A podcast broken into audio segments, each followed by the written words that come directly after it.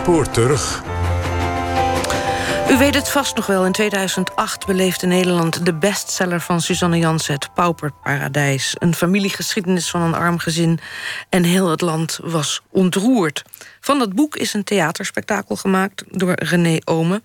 Want hij volgde dat hele proces. En in zijn tweedelige documentaire serie... Terug naar Hollands Siberië is vandaag deel 1 te horen. Onderstand als gunst. Een programma gemonteerd met Alfred Koster. En dan door. Ja, ga even door. Dit is een voorbeeld dat blablabla. Dit is wat Nederland nodig heeft. Ja, oké. Eh, jij bent een man naar mijn hart, Johannes. Wat een geestdrift, wat een daadkracht, wat een visie. Er wordt druk gerepeteerd op de binnenplaats van het tweede gesticht in Veenhuizen. Het huidige gevangenismuseum. Nodig heeft.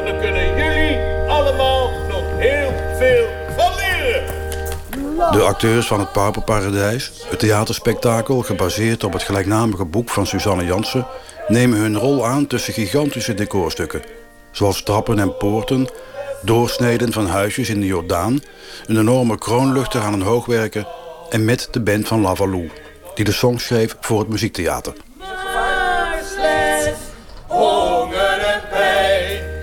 Welkom, hooggeëerd publiek. Welkom bij deze onderneming. Welkom bij dit verhaal waar wij allen deel van zijn. Nou, ik ben vaak te moe om te dromen, mevrouw. Zeker nu mama op alle dagen loopt. Ik moet thuis alles doen. Op mijn broertjes passen, op mijn zusjes. Oh, Freddy is ziek. Die maakt het niet lang meer. Dat mag ik hem niet zeggen. Zo breng ik u naar het paradijs. Ik leg uit en duid. Ik neem u mee naar een andere tijd, maar ook naar de achterkant van het bestaan. Welkom in het Pauperparadijs. Een verhaal over menselijk tekort, hoogmoed en bittere armoede. Opstaan, stelletje gespuis. Niet van dat slomen. Fris en fruitig. Dit wordt weer een prachtige dag des heres. Wees er dankbaar voor. Op je knieën en bid. Aan hij die nooit geen gebrek of armoe kende. Van jongs af aan uit wilde en vreugd gewoon. Als je aan de grond zat, 200 jaar geleden, dan was er niks. Er was liefdadigheid. Dus ze gaven je alleen hulp als ze vonden dat jij daar recht op had. Als ze je aardig vonden, als je vaak genoeg naar de kerk ging... als je naar de juiste kerk ging, dat soort dingen. En er was nooit structurele hulp. Aanschouw die man, hij is geen dronkaard, nee.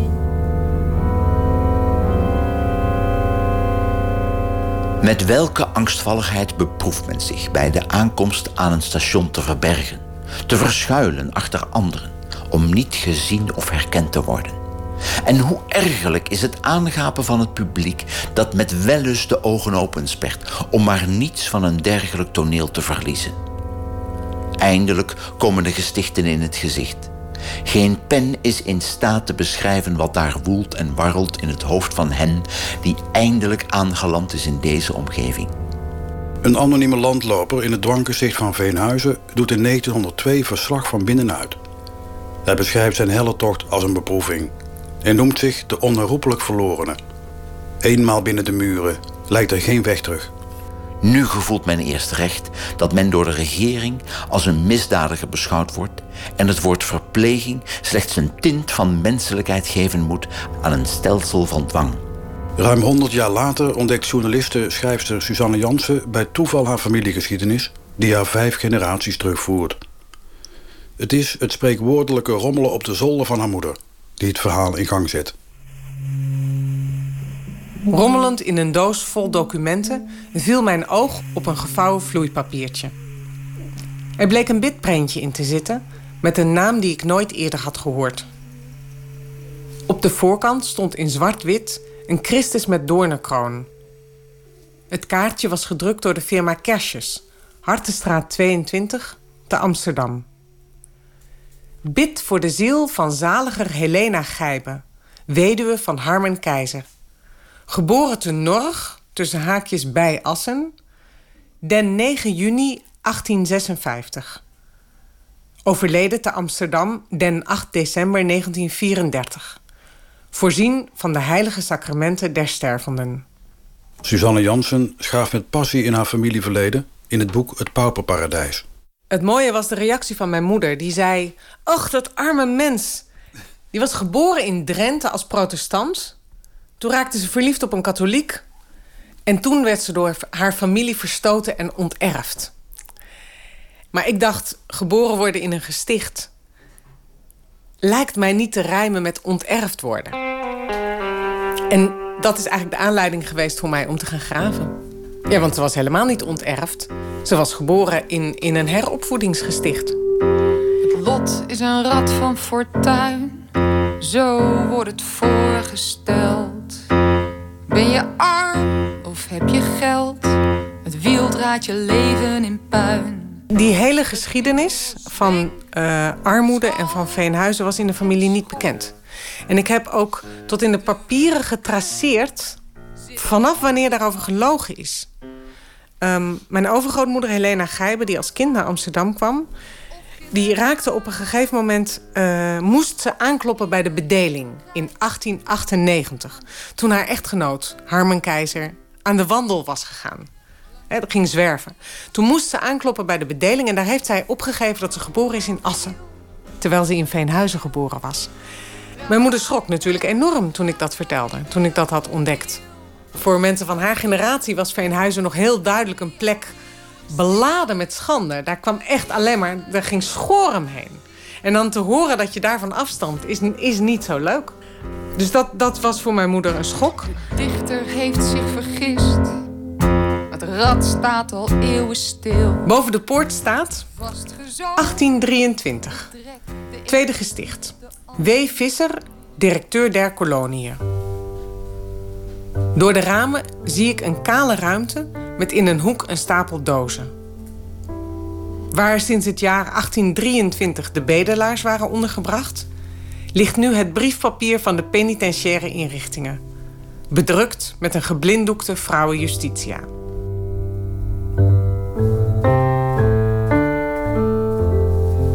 Haar verhaal blijkt te beginnen in 1785 met de geboorte van Tobias Brakshoofden, soldaat in het leger van keizer Napoleon.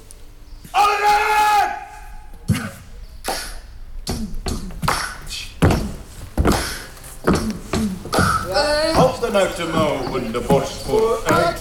Werken is leven, dat is wijs beleid. Werken is leden, orde en vlijt. Handen uit de mouwen, de borst vooruit.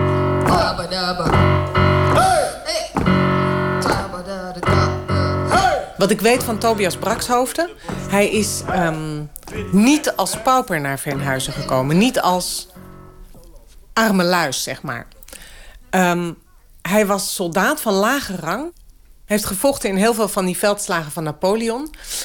En um, was op een gegeven moment in de tijd dat Veenhuizen werd opgericht... was hij oud en afgeleefd.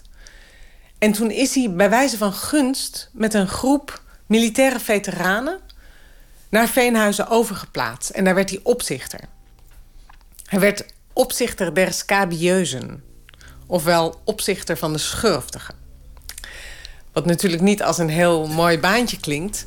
Maar ja, voor Veenhuizen was het wel een hele goede positie. Want hij bewaakte mensen. En hij werd niet bewaakt. En dat scheelt nogal. Het begon allemaal zo aardig. Generaal Johannes van den Bos richt in 1818 de Maatschappij van Weldadigheid op. Nederland was na Napoleon volkomen berooid en armlastig. De steden hadden hoge sterftecijfers, zuchtten zwaar onder de armoede en herbergen in alle hoeken en gaten bedelaars, landlopers en invaliden.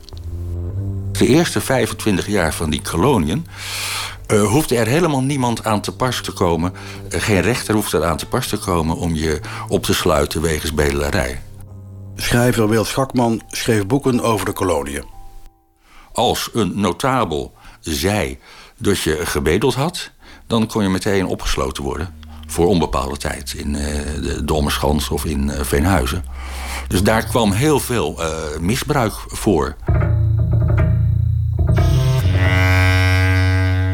Het magazijn voor het armenwezen, een tijdschrift dat was opgezet om oplossingen te zoeken, schetste de uitzichtloze situatie van de gewone man en vrouw. In de laatste 25 jaren zijn de prijzen der eerste behoeften des levens meestal verdubbeld. terwijl de daglonen op dezelfde hoogte zijn gebleven, waardoor het bijna ene onmogelijkheid geworden is dat een arbeidsman met een talrijke huishouding van kinderen beladen, al heeft hij ook bestendig werk, genoegzaam verdienen kan om voor huisvesting, kleding en voedsel der zijnen te kunnen zorgen. Hij werkt dus bestendig tegen den stroom op die bij het geringste ongeval hem meester wordt. En al dus vervallen arbeidzame en nuttige leden der maatschappij veelal tot armoede. Het moest mogelijk zijn de armoede op te heffen door het armlastige volkje aan het werk te zetten op het braakliggend land van Drenthe. Met een eigen koloniehuisje, een klein lapje grond om landbouwproducten te verbouwen, want er moest wel productie tegenover staan. Arbeidsschuwheid en nog meer werkeloosheid. Nee, alleen van de uitbreiding van de landbouw kunnen wij heil verwachten.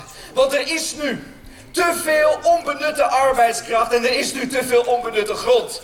Als wij, als nu, die armen dat land zouden bebouwen, dan bewijzen zij deze samenleving een dienst en kunnen zij tegelijkertijd het eigen levensonderhoud voorzien. Want een groter landbouwareaal betekent meer voedsel en dus minder honger en gebrek. De gezinnen stromen toe in Frederiksoord, waarvan Den Bos een proefkolonie start. En zelf bewoont hij een landhuis. En daar huist nog steeds de maatschappij van weldadigheid, met de huidige directeur Jan Mensink, die nog elke morgen bij het portret van Johannes een welgemeende groet brengt. Ik uh, zeg wel eens, uh, elke morgen als ik hier binnenkom... dan groet ik altijd eerst de generaal. Vrouwen die zeggen, wat een knappe man is dat eigenlijk. Van de, hij, hij heeft toch iets bijzonders blijkbaar. Van, Zo'n charmeur. Ja, ik weet het. Ik weet Straalt hij ook wel uit. Ja, ja, ja. Maar als je ook leest de verhalen toen hij hier, toen hij hier zelf woonde... hij was, bij wijze van spreken, hij was bijna dag en nacht met zijn kolonie bezig... en het ging hem nooit snel genoeg. Zie je ook op heel veel van zijn correspondentie. Daar staat op, cito, cito. Spoed, spoed. Hij had altijd haast. Kijk, de, Nederland had een groot probleem. En dat was het armoedeprobleem. En dat zie je wel eens vaker. Nou, er stond eigenlijk één iemand op en die zei... ik ga er iets aan doen. De armoede is een ingevreten kanker der maatschappij. Ik wil de armoede niet alleen terugdringen, nee... ik wil haar uitroeien. Maar niet iedereen denkt er zo over. Zoals de dichter Isaac de Costa. Hij verdient dat men hen den kop voor de voeten legt, die generaal van den Bos. Want zij is uit den duivel, de maatschappij van weldadigheid. De armoede te willen opheffen? Het ontwerp is boven het bereik der mensen.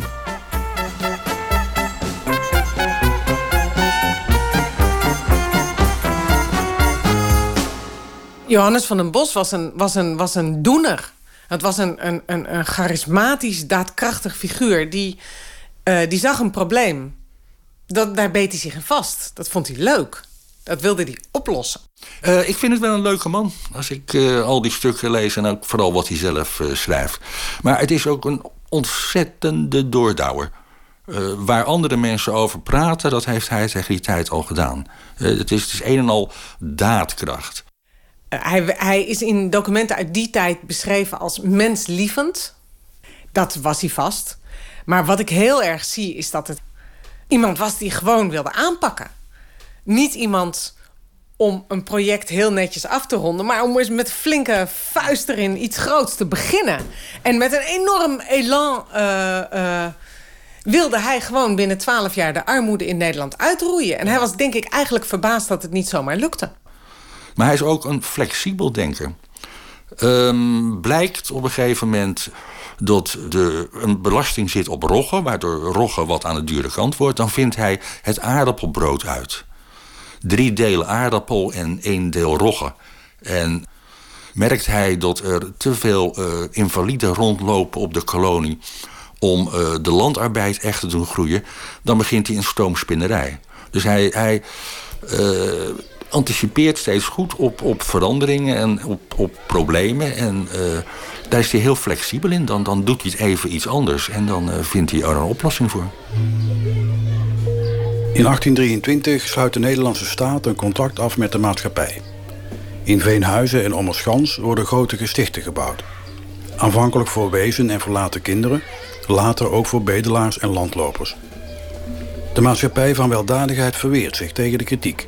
En een eigen onderzoekscommissie schrijft in 1826... Toen wij het derde etablissement bezochten, ontmoetten wij de geneesheer, daar bezig met het onderzoeken van nieuw aangekomene kinderen. Hij deed dit met de meest menslievendheid en beval voor enigen dadelijk wat hij voor hen dienstig oordeelde. Ook verzocht hij den adjunct-directeur de kachels in de zalen te doen plaatsen, ten einde deze jonge kinderen geen koude zouden lijden. Wij ontmoeten er tachtig kinderen uit het Amsterdamse Aalmoezeniersweeshuis. Een blos van gezondheid lag op aller gelaat. Geen enkele van deze bezending was ziek of verstorven. Veel kinderen zijn door ons ondervraagd en hebben alle tekenen van tevredenheid gegeven. Enigen legden hun spijt aan den dag van hun familien niet te kunnen bezoeken. Hier is iedereen gelijk.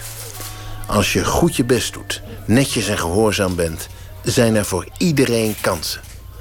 Laat dit een les zijn voor een ieder. Opmerkelijk genoeg bleek de kolonie alleen fatsoenlijke armen toe te laten. En niet de overlastgevende bedelaars en verbasterde lieden over wie eerder was gerept. Het type gezin dat welkom was, stond in detail beschreven. Het moest bestaan uit echte lieden beneden 40 jaar, beide gezond en sterk. Eén jongen boven 12 jaar en twee aankomende meisjes boven 11 jaar. Ze moesten vrijwillig naar de kolonie komen en mochten geen strafblad hebben. Bij gezinnen met te weinig kinderen om een hoeve draaiende te houden, werden wezen geplaatst, zodat ook zij uit hun ellende konden worden gered. De aanpak die de generaal voor ogen stond, was die van een welwillende vader, welke met zorgvuldige oplettendheid voor het welzijn van zijn kinderen waakt.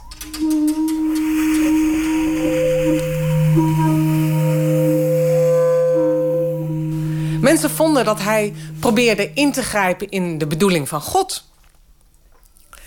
Hij wilde. eh, ja, mensen, sommige mensen waren nu- nu eenmaal in de onderste stand geboren. Zo werd er in die tijd gedacht. En dan was het wel heel hoogmoedig als je daar wilde ingrijpen.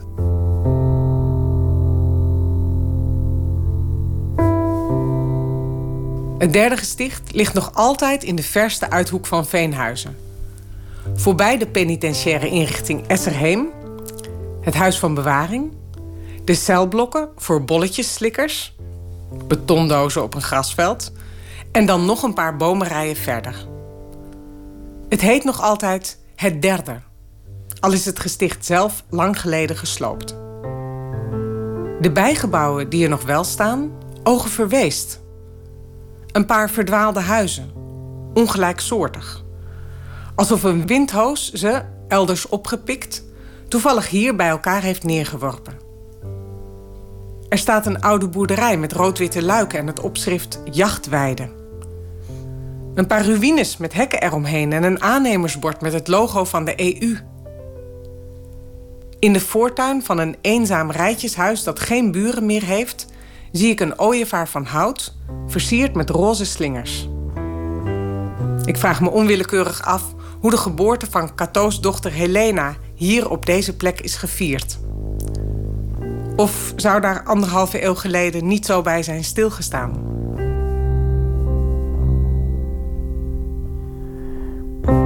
De eerste drie generaties blijken allemaal als pauper in het derde gesticht van Veenhuizen te hebben vertoefd. Een kilometer of wat van het tweede vandaan. En daarvan is nog hooguit de plattegrond zichtbaar, want het is gesloopt. Het is inmiddels een lap grond, spaarzaam met gras begroeid. Op de dag dat ik er ben, wordt toevallig door de schrijfster een bord onthuld. Om de plek in herinnering te houden. Hoe doe je dat netjes? Ik heb even hoe onthul je een bord? En twee? Ja. Woe!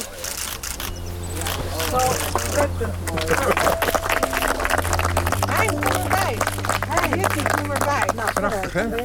En ik werk bij de directeur. Dat is een kans, hoor, zegt mijn vader. En ik mag hem niet tegenspreken, want dat is verboden. Maar eigenlijk wil ik het niet. Is dat slecht? Dat is ondankbaar, hè? Ja, wat ik wil, dat kan niet.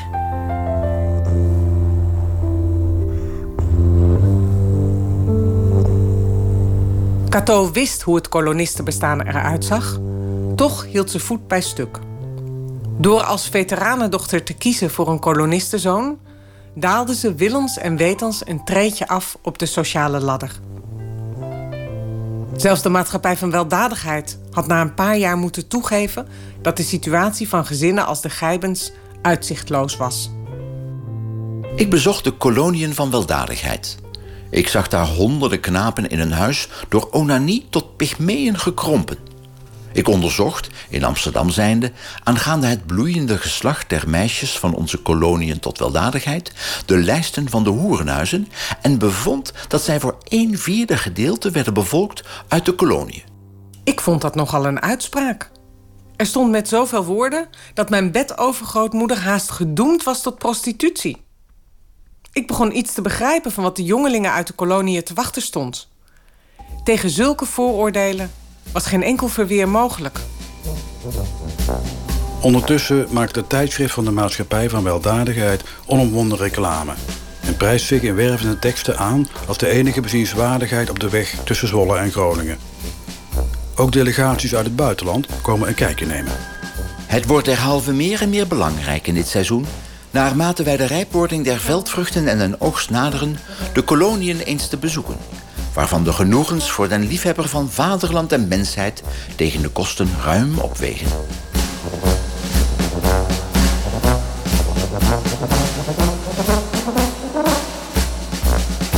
De werkorders worden op militaire wijze uitgevaardigd. Trom en klok kondigen het uur van de arbeid aan. De namen van kolonisten worden op de verzamelplaats afgeroepen. Wie niet behoorlijk gekleed of te laat aantreedt, wordt op zijn loon gekort. De bedelaarsgestichten zijn door hun arbeid in de openlucht zowel gezonder en milder als doelmatiger dan die in de steden. Alleen zware lichamelijke inspanning zorgt voor de neiging tot het hechten aan huis en haard, in plaats van deze volksklassen eigene hang tot vagabonderen aankweekt of bevordert.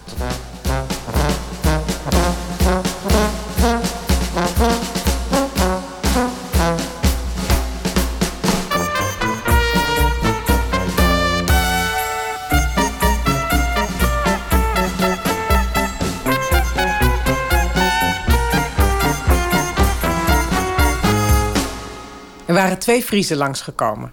Tjibbe Geerts van der Meulen, dichter en uitgever... en Hindrik Bosgra, boomkweker. Tijdens een vakantietocht door Drenthe hadden ze aangeklopt... bij de poort van die bekende stoomfabriek. En toen bleek er een vast entreebedrag te zijn... van acht stuivers per persoon. Terwijl ik hun verslag las, stelde ik me voor dat Cato aan de machines had gestaan. Er werd een jonge vrouw van haar werk weggeroepen om ons een uitleg van het werktuig te geven. Eerst zagen wij hoe de katoen, ruig en onbewerkt in grote balen aangevoerd, in een grote ketel of ijzeren ton gepropt werd. Dan legde men het katoen op een soort mangel, waar een groot aantal raderen het automatisch op grote rollen bracht. Die sponnen dan van elke rol een stuk of vijf draden. Op het laatst zo fijn dat er garen van geweven kon worden.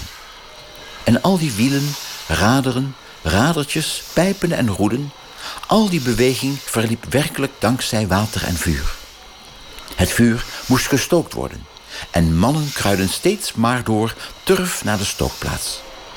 Waar de stoomkracht begon was een enorm groot wiel, met in het midden een as die de hele boel in rep en roer bracht. Maar al hoe indrukwekkend en kunstig het allemaal wezen mocht en ons een bewijs van menselijk kunnen gaf, ik geloof dat wij er samen meer plezier aan hadden dan die anderhalf honderd mensen bij elkaar, mannen en vrouwen, die dag in dag uit en jaar in jaar uit altijd moeten staan of zitten om de rollen op te zetten, draad te knopen en te haspelen.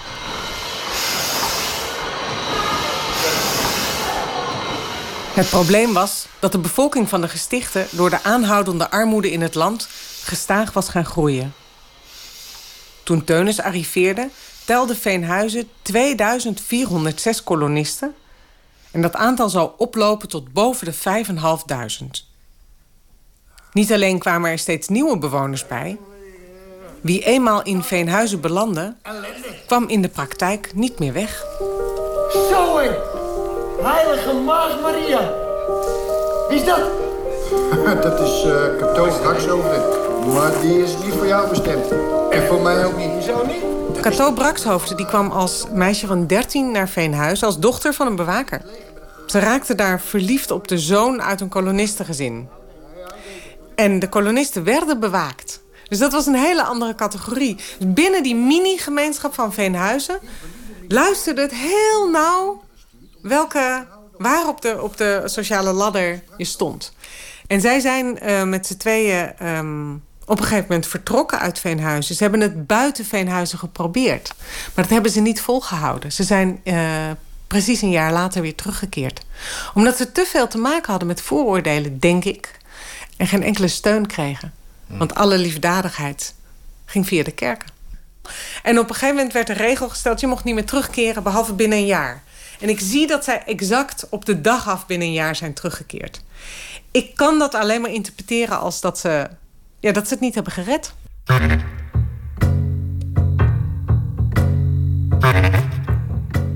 Buikloop, diarree, koortsen, TBC, alles kwam voor. En dan natuurlijk de Aziatische braakloop, ofwel cholera. In 1832, 49 en 56 zaaien epidemieën dood en verderf in de gezichten. Vlak bij de grenshuisjes, daar waar de verharde weg overgaat in een zandpad, ligt verscholen in de bossen het vierde gesticht. In verschillende teksten over de tijd van de maatschappij van weldadigheid heb ik gelezen dat het vierde altijd met geheimzinnigheid was omkleed. Slachtoffers, maar ook andere doden, kwamen terecht op het kerkhof. In de volksmond ook wel het vierde gesticht genaamd. Het ligt verscholen achter bomen, een kilometer of wat van het gesticht vandaan. Er wordt beweerd dat het er altijd koud is.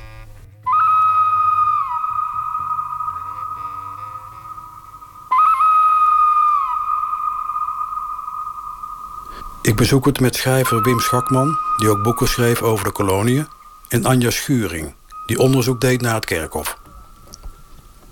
Er gaan verhalen rond dat het een massagraf zou zijn.